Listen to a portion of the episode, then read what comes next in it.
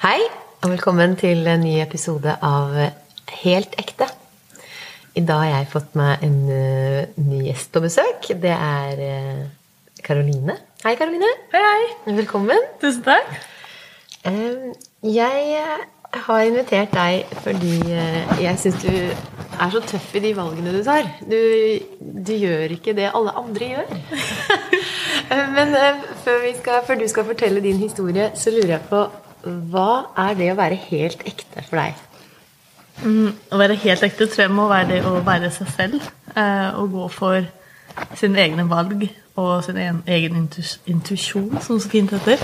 Um, og virkelig stå ja, stå i seg selv, da, på en måte. Ikke bry seg så mye om hva andre eh, sier og mener.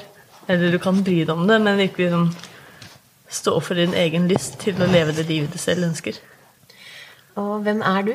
Ja, eh, hvem er jeg? Et godt spørsmål. Um, ei dame, for det første.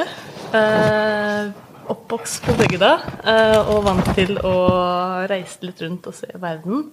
Uh, triatlet. Uh, student og, gamemaster på Escape Room, som er veldig gøy. Uh, og i tillegg ja, egentlig mye rart. Da jeg eh, bestemte meg for å ha den eh, podkasten her, så var vi på foredrag med Knut Ivan, eh, han som har svømt fra Oslo til Bergen. Ja. Og da jeg fortalte deg om dette her, og du fortalte jo din historie, hva du har gjort, og så har jeg også hørt tidligere om ting som ikke har vært så lett, f.eks. da du spilte håndball og det å andre som kanskje mener noe om, om deg og skal tydelig tre det nedover hodet ditt. Eh, men kan ikke du fortelle litt om eh, hvordan, eh, hva du har gjort, og din historie? Ja, eh, så eh, Jo, det var det jeg begynte oppkast på bygda. Eh, og hadde egentlig ganske kjipt på skolen. Ble mobba vel i ni og ti år og prøvde å passe inn så godt jeg kunne, bare for å unnslippe det, ja, den negativiteten og det å ikke føle seg liksom på riktig sted på riktig tid, på en måte. Um, um, og så gikk det vel til et punkt hvor jeg begynte på skolen i Tønsberg. Da, vi har en hund her som forstyrrer veldig. Må, Thea, gå vekk. Sånn. Gå vekk. Begynte på skolen i Tønsberg, og tror det var det første året av min skolekarriere, hvis man kan kalle det sånn, at jeg virkelig bare ble meg selv. At jeg gjorde det jeg selv ønsket. Jeg ville hørt på musikken jeg ville, kledde meg som jeg ville, gjorde det jeg ville. Og derfor så har det egentlig bare gått mer og mer eh, i min retning. på en måte.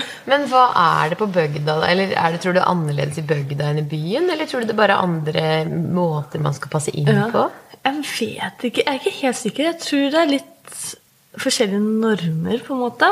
Um, det er helt annerledes å vokse opp i bygda og vokse opp i byen. Um, der jeg vokste opp, så var det veldig sånn at man skulle se ut på en viss måte. Og man skulle liksom ha de riktige klærne eller ja, noe sånt. da.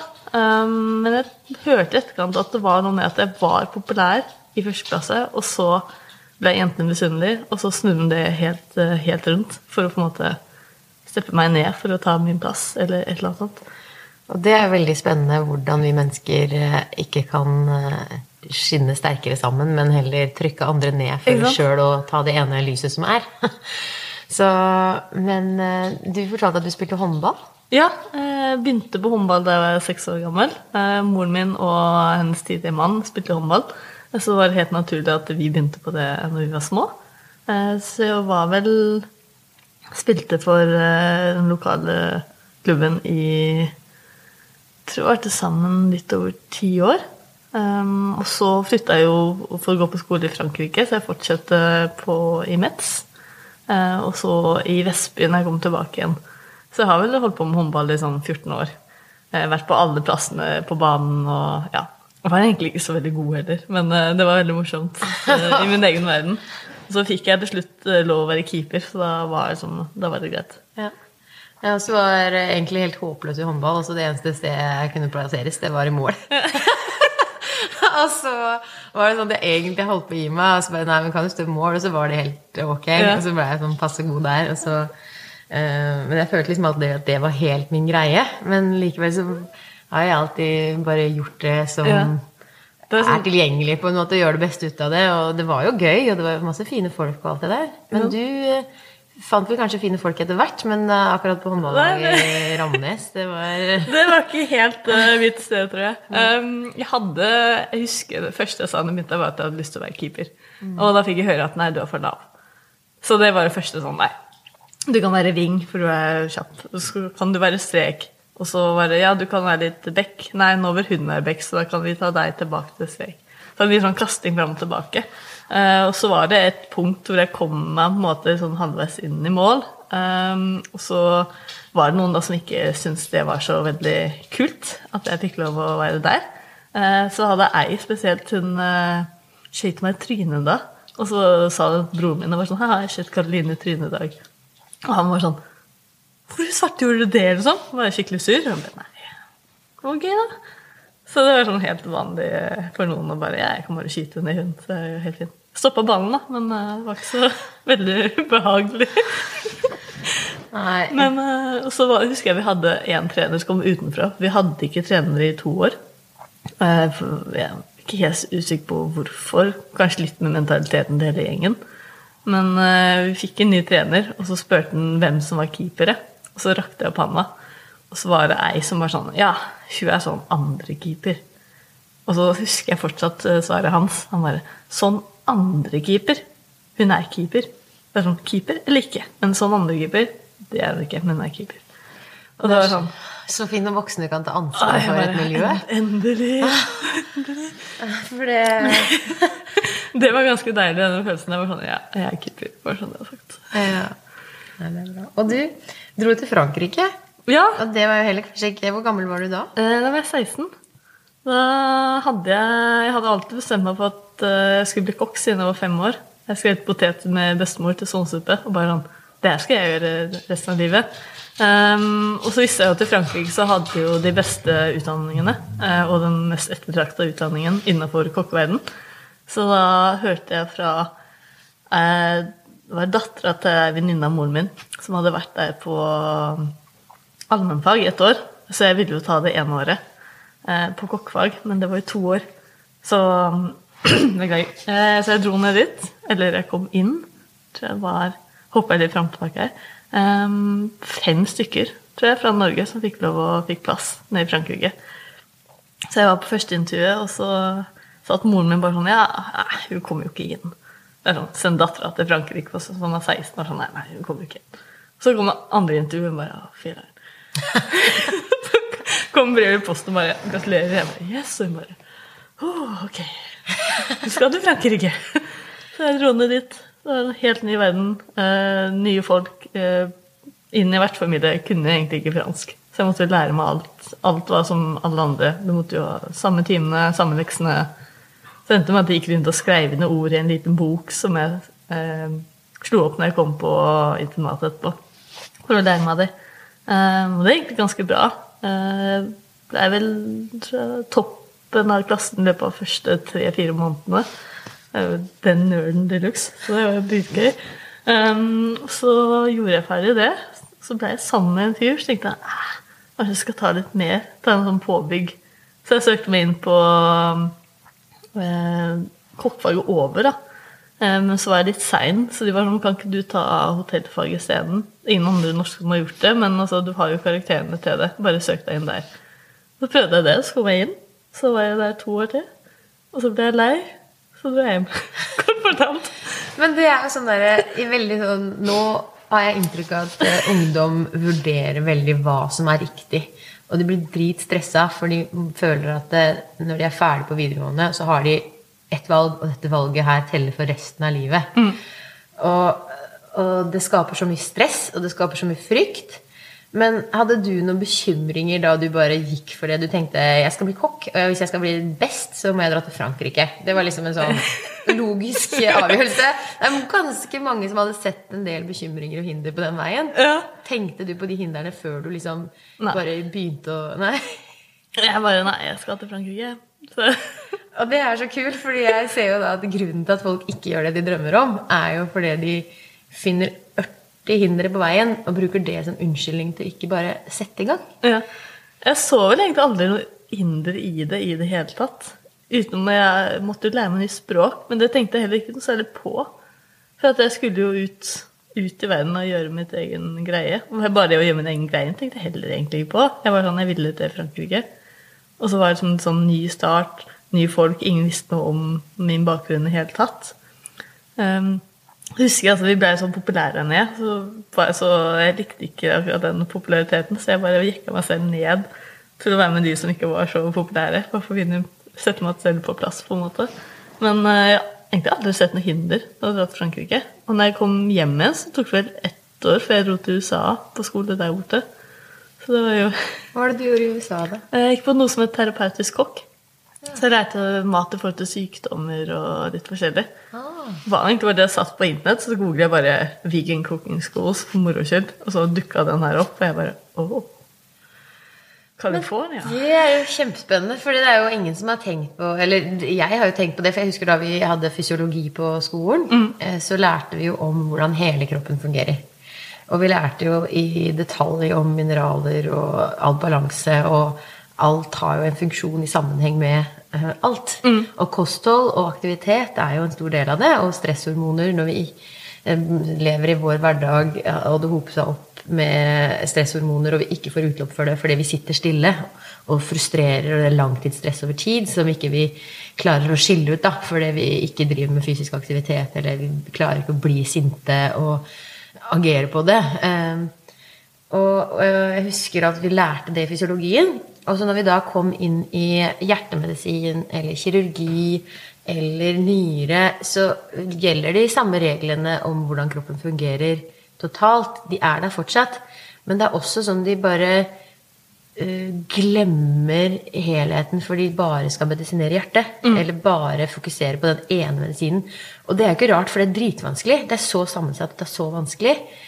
Eh, Men, men jeg husker at jeg blei litt sånn når vi da hadde kirurgi, og jeg hang meg litt opp på hva nutrition eller hva, hva maten og næringen gjorde da, i tilheling av kirurgi eller tilheling av ting. Og, og så husker jeg nei, det var ikke så viktig. Det bare sto der, på en måte. Det trengte vi ikke å sette oss inn i. Men, men etter hvert som jeg da ble sammen med Bjørn, som er kiropraktor, og det å tenke på litt mer helhetlig i kroppen, og etter hvert som jeg også har lest mye psykologi og ser på da eh, hva følelsene er et veldig viktig Man kan kalle det et organ, da. Bare det for at Eller hjernen er jo organet. Men, men hvordan følelsene faktisk er der for å hjelpe oss.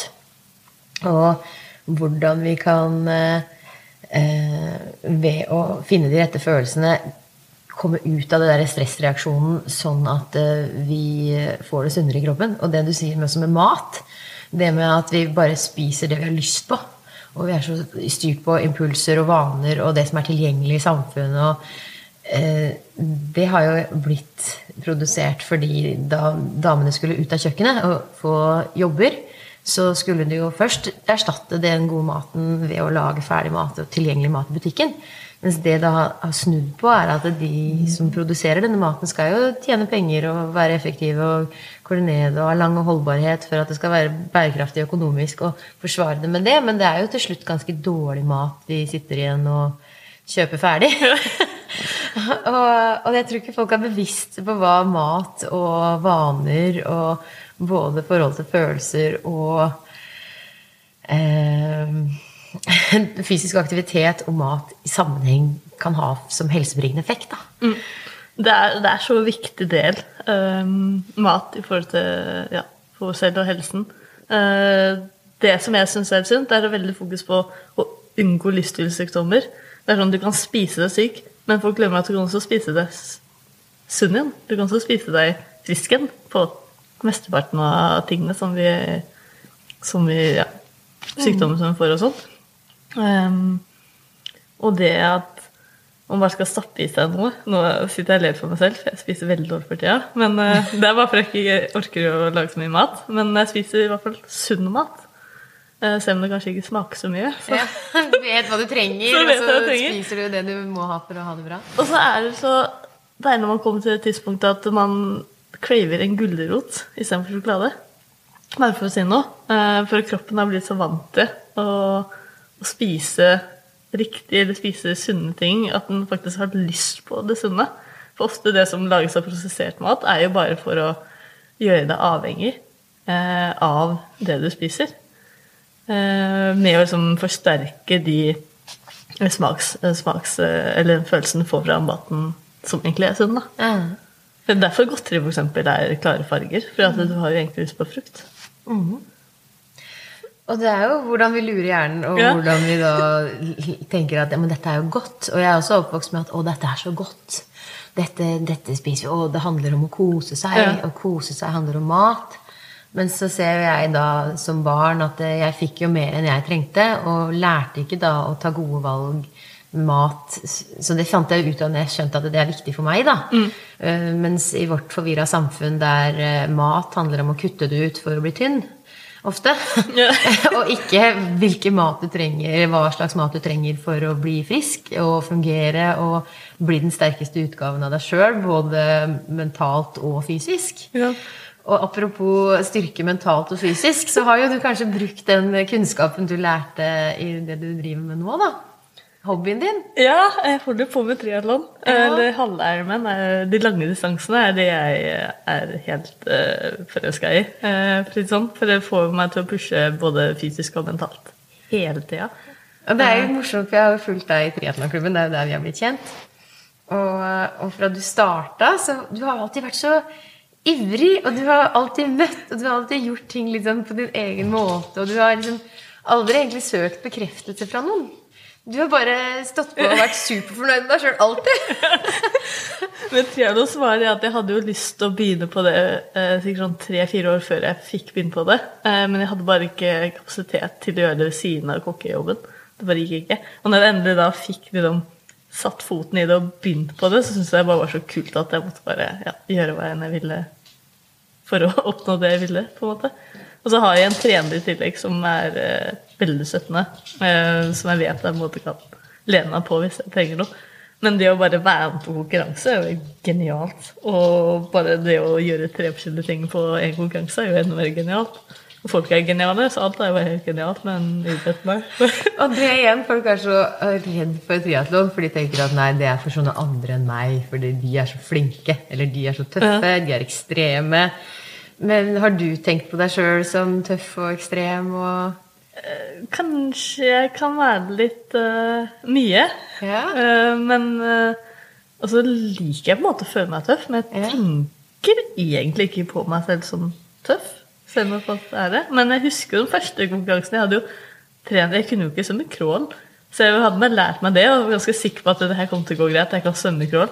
Tok to tak, så var det rett på bryst, for det var så mye bølger. Jeg bare, ja, men det var jo greit det. Og neste konkurranse var jeg rett på bryst. Og Thea bare, neste du skal på crawl. Jeg bare, ok, greit. Så da ble det crawl på neste. Men det er sånn Og det er der du har begynt, for du har jo virkelig ikke uh, uh, Du var jo ikke god til å begynne med. Nei, og jeg visste jo ikke engang Jeg husker jeg, husker jeg spurte deg eller noen andre. Sånn, Hvordan er overgangene? Hvordan gjør man det her? Og det var jo halvtime før konkurransen startet. Jeg bare Skal jeg ha sånn håndkle klart, eller hva skal jeg sånn opp, Hvordan funker det? Og de bare Ok, du har ikke gjort det før? Nei. Og nå så er jeg i sekretariatet rett før konkurransen, men det går bra. Men det er jo det som er fint òg, for det er så masse hyggelige folk, og det er jo Ja. ikke mer alvorlig enn at man starter, og så kanskje man bruker litt ekstra tid, eller Det er jo bare gøy. Ja, jeg brukte jo sånn som du sa, jeg brukte jo ti minutter på overgangen, som egentlig skulle være mye kortere. Men jeg var sånn Ja, jeg bare, bare skjedde. Det var kaldt. Og, og jeg har også hørt det liksom at eh, det er så tøff som er blitt god, da.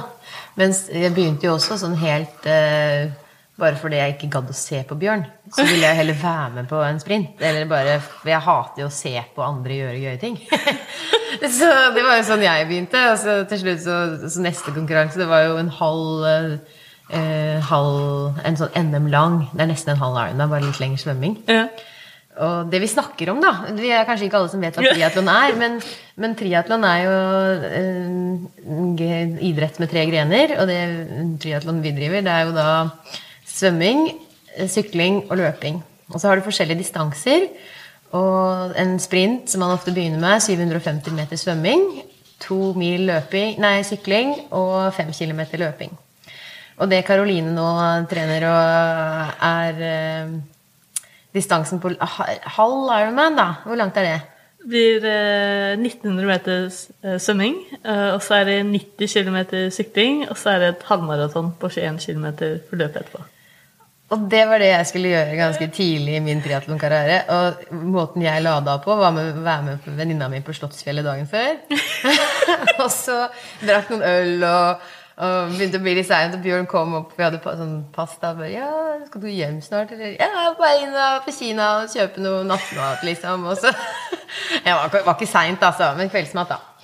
Og, og dagen etter så Jeg visste jo ikke egentlig helt hvor langt det var heller. Jeg tenkte det er jo bare da å svømme litt og sykle litt og løpe litt. Og så svømte jeg, og da var det jo 2000 meter, den svømminga på den land. Og jeg svømte og tenkte det var ganske langt. Det var veldig langt. Ja, ja, det er bare å svømme på, da.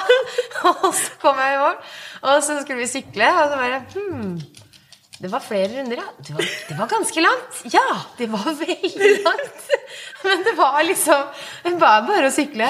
Og så sammen med løpinga, så var det sånn. Men, men jeg, jeg hadde jo, jo, jo trent, og det, det er jo sånn at jeg visste jo at jeg klarte det. og og sånt, Men eh, da var det jo heller ingen andre damer med, så da ble jeg jo tredjeplass i NM det året. På. NM-land. og jeg ble dopingtesta. Og så, og så hun, og hun, eh, hun dama bare 'Ja, har du tatt noen medikamenter?' Jeg bare 'Jeg drakk alkohol i går'. bare ja, det går bra. så da var det litt morsomt, da. Men eh, det er jo liksom det å bare starte, og det å tørre uten å egentlig ta det så innmari på alvor. Absolutt.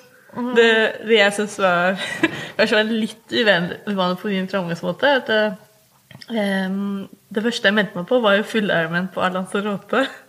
Shit! Og så husker jeg jeg sendte meldte Da var ikke treneren min. Jeg var sånn 'Har du lyst til å trene meg?' Hun bare 'Ja, så, så klart'. Hva er neste mål? Jeg bare 'Nei, full Ironman på Lanzarote', da. Og hun bare 'Ja, um, har du vært med på noe annet før, eller?' Nei. Nei, nei. Jeg var jo på Lanzarote, jeg syntes det var dritkult, så jeg hvorfor ikke, liksom. Ja. Det er jo dobbelt av den halve. Ja. Så det er jo Da avslutter du med en maraton Ja. med jeg, jeg 4,2 synes, km. jeg var, bare, ja, det, det er fint. Det, det fikser jeg, liksom. Og hun bare Ja, men um, Kanskje vi heller skal begynne på litt spot? Jeg bare Ja, og så kom jo covid, så jeg måtte bytte, så var det sånn greit. Men jeg var sånn furt. Jeg ikke fikk lov til å ta den lange med en gang. Men Det er ikke noe feil med målsettinga, den er der. Men, men det å begynne litt forsiktig, da, sånn som hun kanskje veileda deg litt på, og kanskje begynne å finne ut av hva det dreier seg om og jeg tror kanskje, jeg husker ikke om jeg hadde tatt den sprinten, eller om jeg hadde noe gjort sånn i det hele tatt. Ja. Jeg var sånn, akkurat begynt å trene på meg selv og bare sånn, ja, jeg tar helt gønner på. Meld meg på. Og så, ja. Men jeg er ganske glad for den veiledninga. Jeg har jo fortsatt ikke tatt den full ennå. Eh, Men jeg hadde prøvd å eh, få plass på Norseman i år, men jeg fikk ikke. Så jeg prøver neste år. Ja. Det er jo det som er hovedkonkurransen. Ja, det er kjempefint. Den er så genial på Ja. alle måter. Men det er vanskelig å få plass. Ja. Mm. Men det med Igjen, da, så har jo du nå vært med på eh, europamesterskap i eh, halv Ironman. Og norgesmesterskap. Først norgesmesterskap, og så mm, kvalifiserte du til europamesterskap. Og så eh, kvalifiserte du til verdensmesterskap. og jeg syns det er så gøy, fordi vi har jo vært med i Ironman liksom sånn en del, og vi ser jo det at eh, akkurat på halv så tenker ikke jeg at det, det er noe sånn Ja, ja, vi kommer til dette her, og vi Det er liksom Hawaii eller ingenting, på en måte. Mens du ser dette her som en sånn derre ja! Det blir så enormt glad! Og så er jeg Og så er jeg litt sånn oppvokst med kritikk da med det Ja, det er jo ikke så stort, liksom. Du er jo ikke verdensmester. og, fordi det, for, for meg så er det liksom ikke noe hvis ikke du er helt topp. Mens så er du så utrolig god til å se deg selv som målestokk og gjøre det du vil, og sette deg mål ut ifra dine forutsetninger. Og ut ifra dine forutsetninger så er det jo helt amazing rått å være med i VM i, i halv Ironman. Det var jo så episk. Ja. Det var så, og så var det litt sånn tilfeldig Ikke tilfeldigvis, men eh, ja. Um, det, vi var jo etter den europamesterskapet, så satt det i det podiumet hvor de liksom har award ceremony og hele pakka, så sier han fyren ja, Uh, We got 100 slots. Og så begynner folk å le, for det er ikke 100 folk i, podium, i denne salen engang. Og jeg bare sånn Nei, nei, men det Nei, nei, jeg, jeg var jo på 17. plass, men så tenkte jeg jeg får ikke får sikkert ikke plass uansett. Så kommer jeg ned til aldersgruppe 30, 34. Er noen her i 34? Og jeg bare «Yay!» Og han bare Vil du til Ja. Da tenkte jeg, folk bare, ja, men du fikk jo det, men nei, jeg var jo kvalifisert. For jeg var på 17. Jeg var Ja. den som var der, så jeg er kvalifisert. Og så husker jeg da jeg sendte den til min daværende partner, og han bare Ja, skal du dit? Jeg bare Så klart. Jeg betalte meg allerede. Han bare Ja. Jeg trenger ikke å si mye det kosta. Nei, vi snakker ikke om prisen. og tanta mi var sånn Men skal du dit? Og han bare Ja, hun har betalt meg allerede. Jeg bare Her, det er ikke noe spørsmål engang. vil du til VM? Eh, Ja, jeg vil til VM. Og det er jo litt sånn jeg snakker ned min tredjeplass i NM fordi det ikke var noen andre der. Eh, Men likevel, det var ingen andre der som var og gjorde det jeg gjorde. Og jeg det var, Nei, ikke VM, sa jeg VM. Min tredjeplass i NM. Ja. Ja. Og, og det er bare Det er helt sykt rått. Og du også. Det var ingen andre der som valgte å ta den VM-plassen og gjøre det du gjør i din aldersgruppe. Og Nei. Jeg var, men på NM så Ja. var jeg som å komme i mål. De bare «Å, Maria, du ser etter. Jeg bare, Hæ? Og så sa jeg bare her liksom. Og de bare Ja, du har fått førsteplass i din aldersgruppe. Jeg bare Som den eneste i din aldersgruppe. Jeg bare Det tels. Jeg har førsteplass i NM. Som første halvår med det tels. Så jeg sånn, så på podium og så stolt og bare Ja, du var den eneste. Jeg bare, det tels. Det er så utrolig bra. Hvordan du da tenker, jeg tenker helt motsatt av hvordan jeg Nei, det er ikke bra fordi Det er dritbra! Fordi, Så da, da snur du liksom til å bare gønne på videre. Ja, Du heier på deg sjøl. Det gøye med det var at vi var jo hos, eh, i, i middag hos moren min på middag hos moren min en gang. Og, og så var det noe sånn Jeg var litt sliten en dag, og så sier mor 'Hvorfor er du så sliten?' Og så sa, jeg bare sånn «Det er Slitsomt å være norgesmester, vet du. det var sånn, måtte jeg bare ta en kokken, og de bare 'Herregud'. Du var den eneste Nei, jeg var norgesmester. Men du har jo en annen hobby òg, og det er jo hester. Ja. Men har du egne hester, eller? ja egen hest, ja. Egen hest. En egen hest. Hatt han i 16 og et halvt år, blir det vel? Men det også tar vel litt tid? Ja, jeg er ikke akkurat eh, Jeg er litt tids, tidsoptimist. Så det blir jo mye med hest og trening og skole og jobb. Men eh, på en eller annen måte så får jeg det til. Men blir du stressa da? Ja, det kan jeg bli. Jeg må innrømme det. Men eh, jeg pleier som regel å gå greit. Jeg blir egentlig mer stressa fordi at jeg alltid er litt sånn småforsinka. Ja. Men eh, Og det har jo jeg også tenkt men hvorfor blir man forsinka? Og Ja. vi snakka liksom om fokus òg. Og, det med eh, eh, Jeg har jo Anne Gurun som jeg har fulgt med. Altså, man trenger ikke å stresse, for tiden er jo bare en elv som går forbi oss. Vi kan bare observere den. Bare, mm. Men om dagen så er det disse tingene jeg skal rekke, og denne elven den er jævlig sterk strøm i.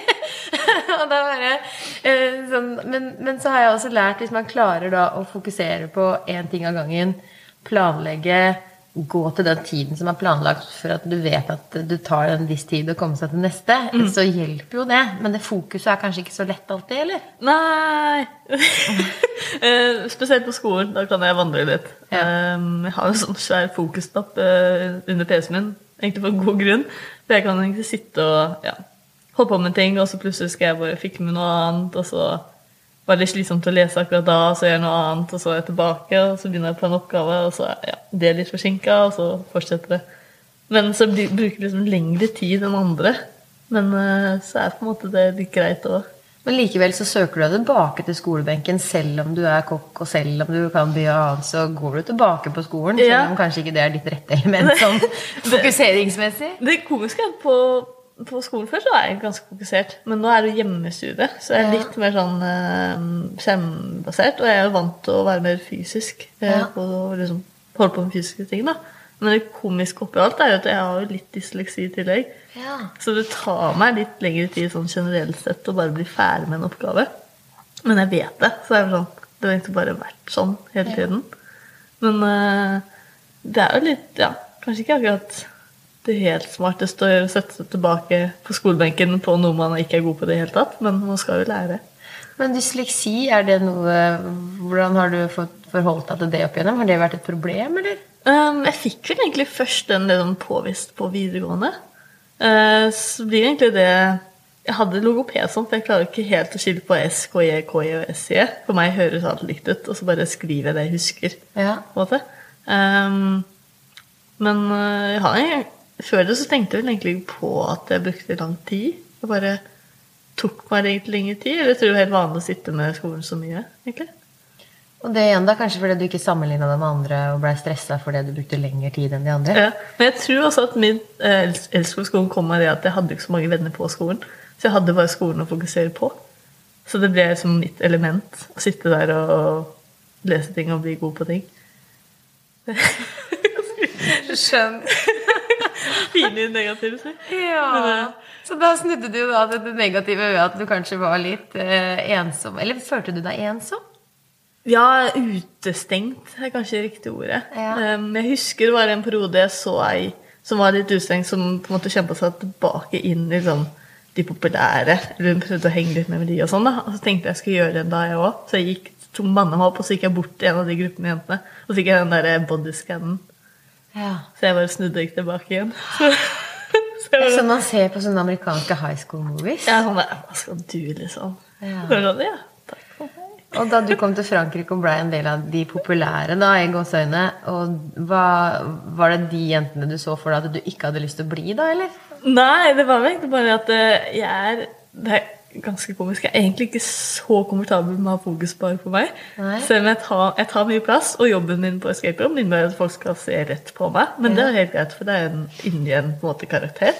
Men eh, og at alt fokus skal tilbake på meg, den er litt sånn Trenger egentlig ikke ta så mye plass, selv om jeg egentlig liker litt Ja. samtidig.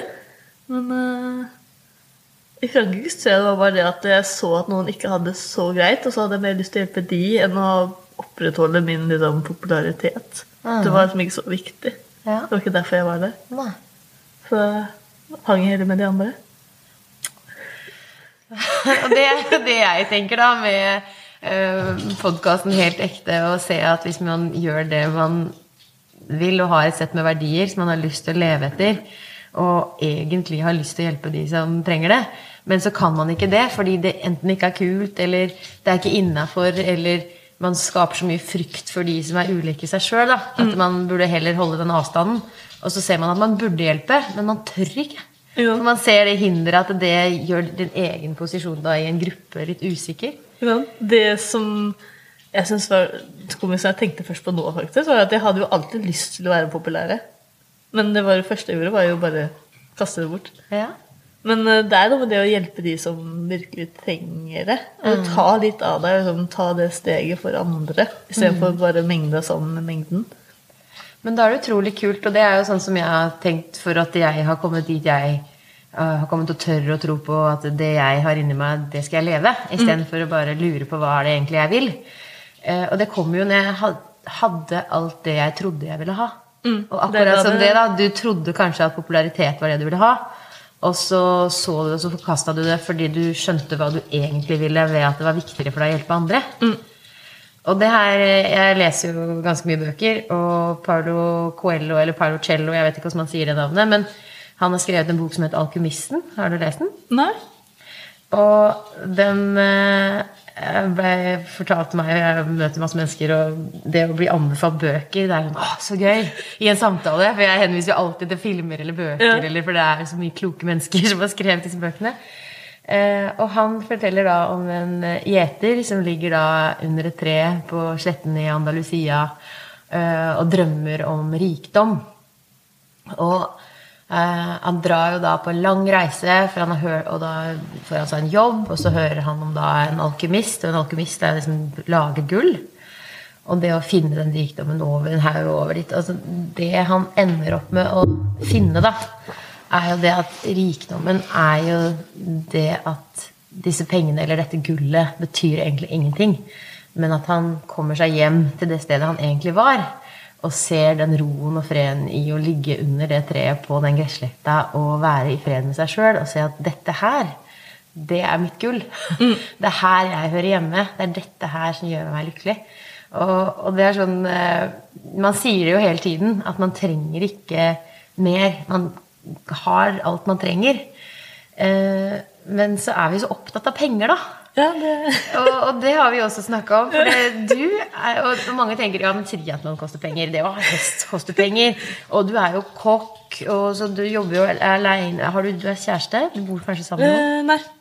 Jeg, akkurat nå så har jeg campa hos eh, faren min eh, et par måneder. Men ja. jeg skal flytte for meg selv neste uke, faktisk. Og dette huset hvor du skal bo, det har vært litt sånn diskusjonstema hjemme hos dere? Ja, eh, det har en ting med at alt, alt, folk skal liksom alltid ha meninger om hva jeg gjør. Som er veldig hyggelig, at de bryr seg. Men eh, så er det at jeg liker å gjøre ting på min egen måte. Eh, så hus har liksom alltid vært en greie. Man er forventa at man skal ha hus, man skal få familie, man skal ha jobb, man skal ha lån. Man skal liksom leve det A4-livet, da. Mens jeg har alltid vært sånn Nei, kan du leie, og så kan jeg heller eh, bare ja, gjøre hva jeg vil ved siden av. Hvis ikke jeg liker meg der, så kan jeg leie et annet sted. Um, så jeg husker første gang vi leide sted, så ringte faren med meg sånn helt oppriktig og liksom hjelpe, ville hjelpe. da, og sånn Hadde regna ut Finne et hus um, i, i, Re uh, som han uh, syntes var fint, og fikk garasje og var landlig, og kunne hesten på sted, og han kunne stå for egenkapitalen. og og liksom regnet som jeg skulle betale i lån til banken, da, som var eller 500 kroner mer enn det vi betalte for eh, leie. Og så var mitt svar eh, nei takk. men den satt egentlig ganske langt inne, for han mener jo bare godt. Ja. Men det var, sånn, det var, bare ikke riktig sted til riktig tid. Og sånn har det egentlig vært senere òg. Sånn, jeg kan jo kjøpe meg et sted, men da hadde jeg bare følt meg bundet til det stedet og til det jeg gjorde akkurat der og da. Og jeg tror også på et tidspunkt at jeg var litt usikker på hvor jeg ville være. Og da liksom kjøpe et sted til et sted jeg ikke var 100 sikker på, var jo absolutt helt feil. Ja. Og det er jo det med at eh, trygghet er jo mm. gjerne en eh, Trygghet er gjerne en verdi hos mange. Så det er at det å få seg et trygt sted å bo, det teller mer enn det som kanskje er sterkere hos deg, som er frihet. da. Mm. Det å faktisk ha frihet til å gjøre, leve eget liv. Men bikkja her tar jo litt av. Thea!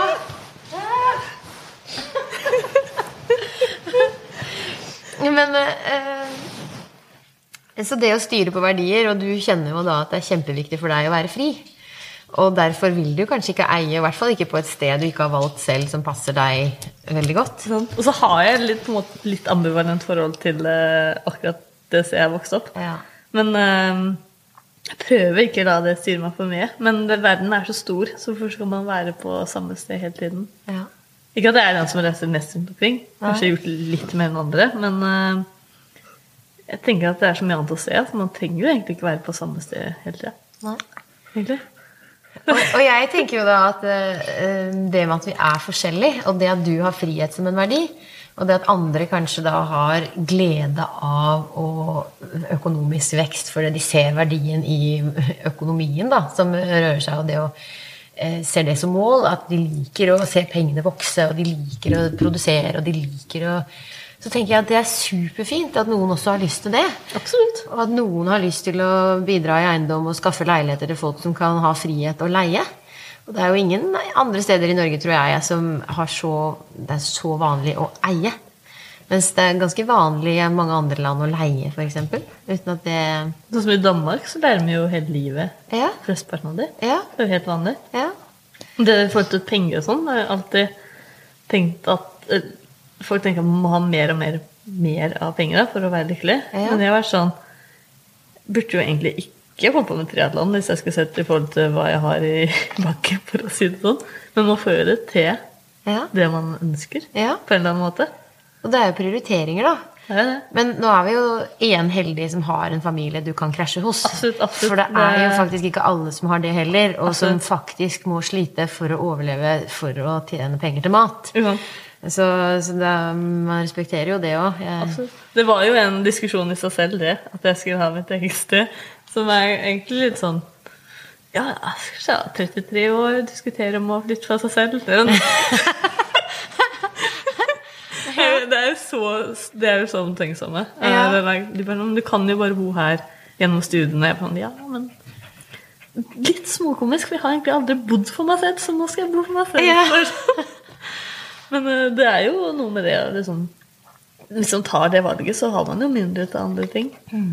Men du er 33 år, 33 år. og, og det er jo, du har jo da valgt å tenke på deg og gjøre det for deg. Har du noen gang tenkt på familie, da?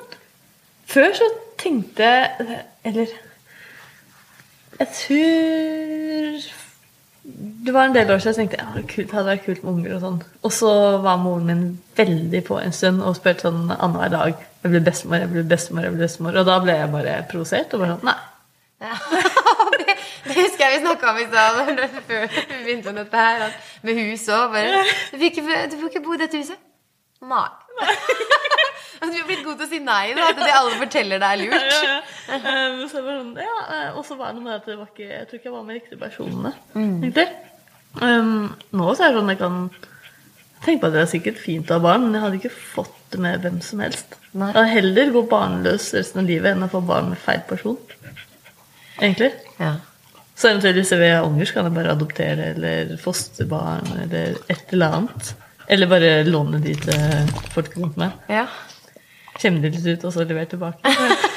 Men det er jo det som er greia. Det er så mange som lider og er ensomme, og så skal man da på død og liv skaffe sine egne for enhver pris, da. Mens det, det er mange som trenger familie og noen som bryr seg. Absolutt. Jeg har jo lenge tenkt på at det er veldig fint å hjelpe de som ikke har foreldre. Som allerede er i den verden der. Um, og en annen ting er at jeg syns det er dritskummelt å bare tenke på å få barn. Det er jo helt komisk egentlig at jeg skulle synes det er skummelt uh, av alle ting. Siden jeg vet alt andre jeg gjør. Men uh, det syns jeg er litt jeg bare, bare sånn, Det syns jeg er så rart, på en Ja. måte. Men eh, jeg tror det er den tryggheten som ikke har fått meg til å faktisk få barn også. Men å hjelpe de som trenger det, er jo viktigere, egentlig. Men det er jo, og det har jo også vært diskusjon om at det er så mange som føler at det er en forventning at de skal få seg barn. Først da, for å få seg barn, så er det nødvendig å finne en mann.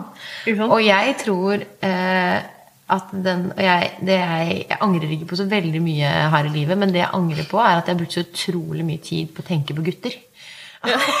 Være helt sånn obsessed i å finne meg en kjæreste. Og jeg bare ser på alt det potensialet jeg har i den hjernen min til å tenke på mer viktige ting. Det er ikke en eneste. Og så bare har all energi og fokus gått på det å være noe for noen. Mm. Istedenfor å være den beste utgaven av den jeg er, og finne ut av hvem jeg er, og hva jeg vil.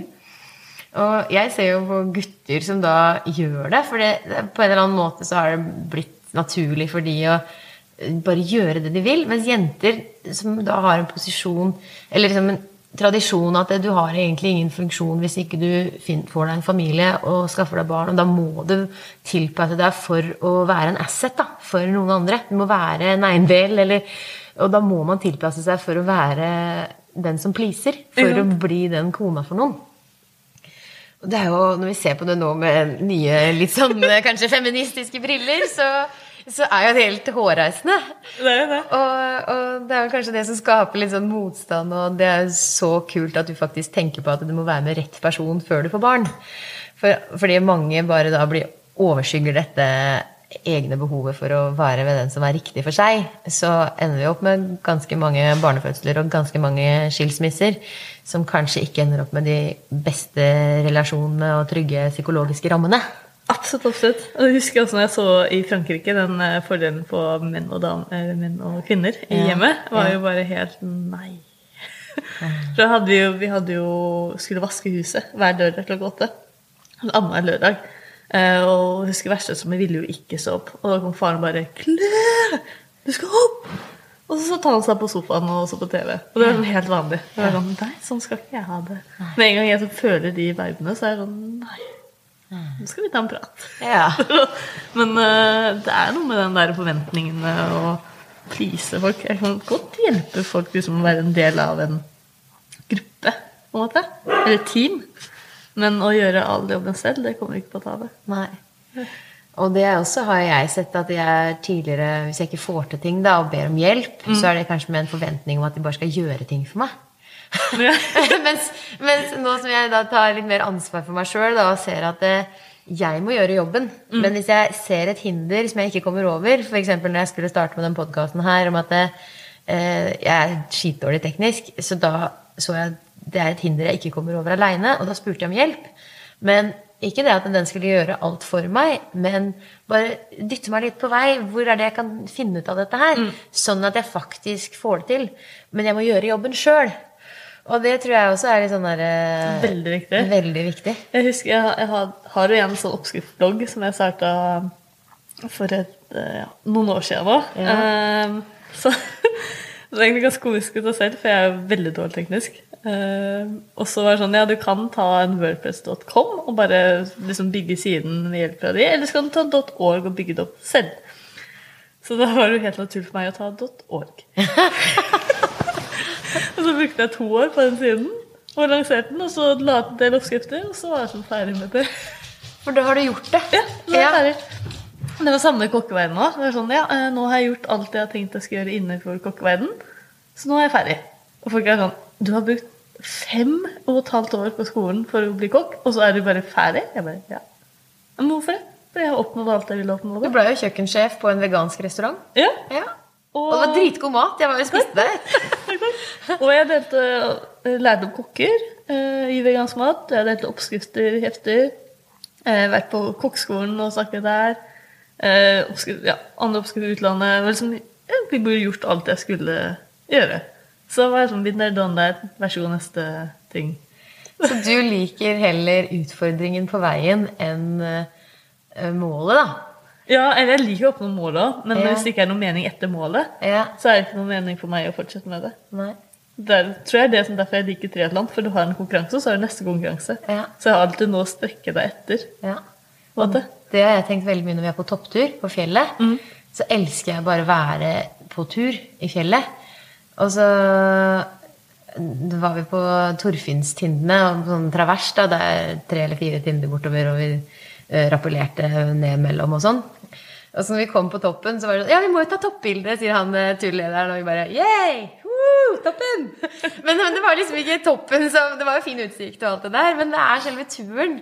Og, og, og det var så utrolig koselig, for han var så Det var med Gjermund Norskar, som er kjempefin sånn uh, turleder, og Bjørn og meg. Og vi hadde bare så masse fine samtaler.